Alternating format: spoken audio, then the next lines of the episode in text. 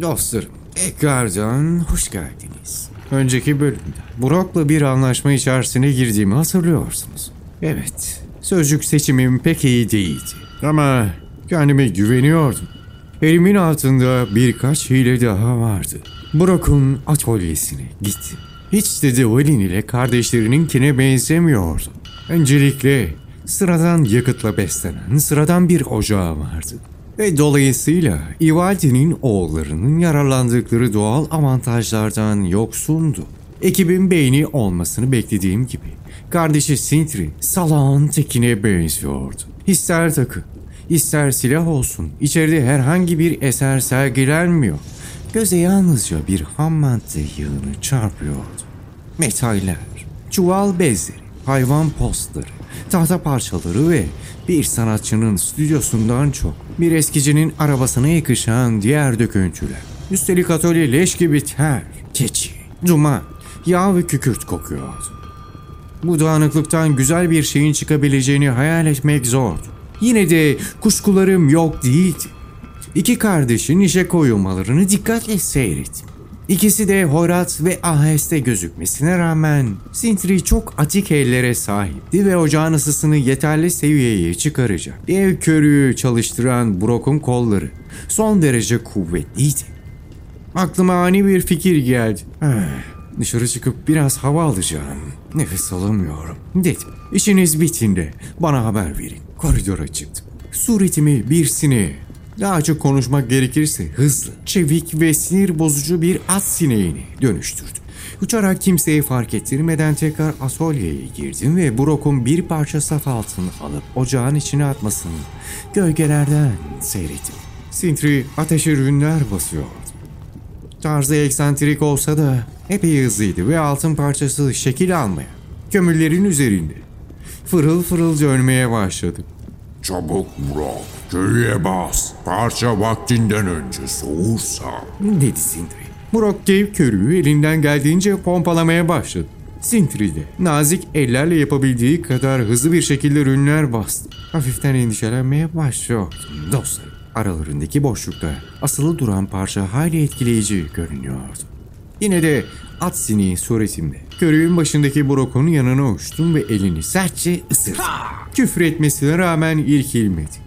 Ve parça saniyeler sonra tamamlandı. Yüzlerce rünle işlenmiş harikulade bir bilezik. Uçarak tekrar koridora çıktım. Ve insan suretime geri dönüp alelacele giydi.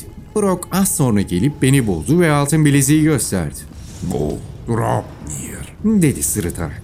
Benden generaline bir armağan. Dokuz gece tıpkı kendisi gibi sekiz bilezik doğuracak. Bir hesap ya Olmaz. Halkına sınırsız servetin anahtarını vermiş bulunuyorum. Müthiş bir hediye. Öyle değil mi? Eh, fena değilmiş. Fakat o mızrak Odin'i yenilmez kılacak. Sence hangisine daha çok değer verir? Söyle bakalım.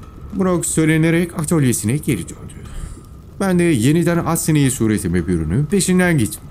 Brock bu sefer Hamat'ın yanından bir parça domuz derisi ve yumruk iriliğinde bir altın topu alıp ikisini birden ateşe attı. Kardeşi üretim aşamasındaki esere rünler yağdırırken o da körüye yapandı. Ve büyük bir şey.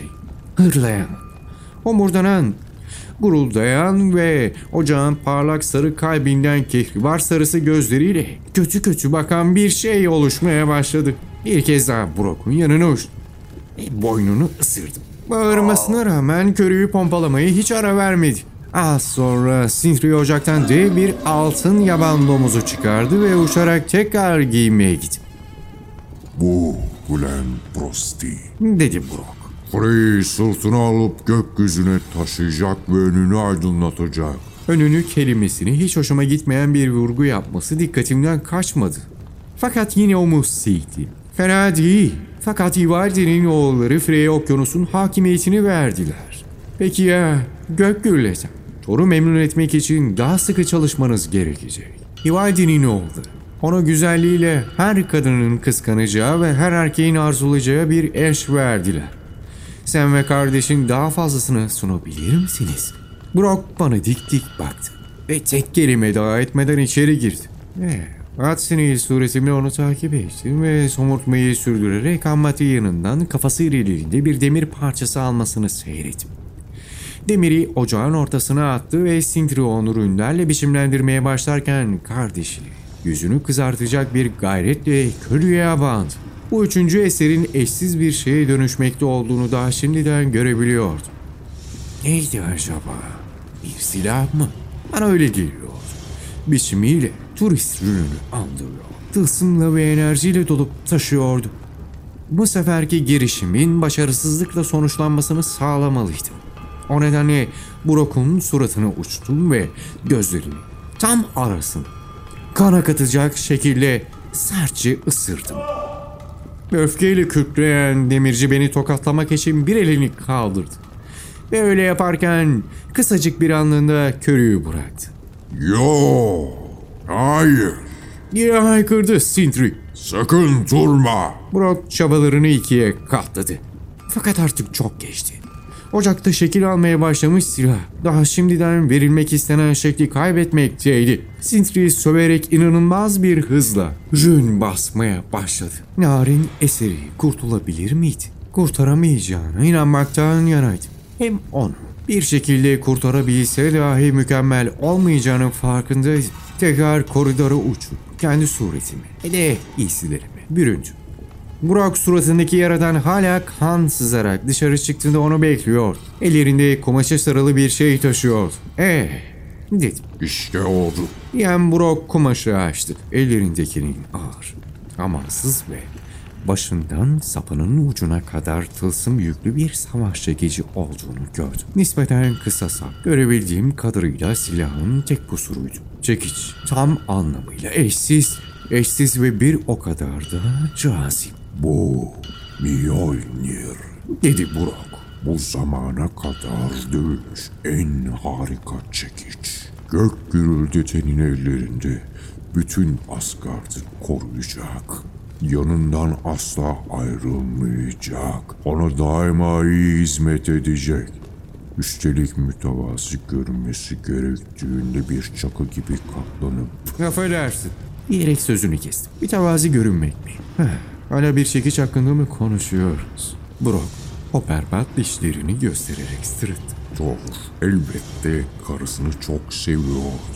Dedi. Fakat dostlarının etkilenmesi gerektiğinde tek ihtiyacı dev bir silahdır. Tanrım bunlar beni öldürecek.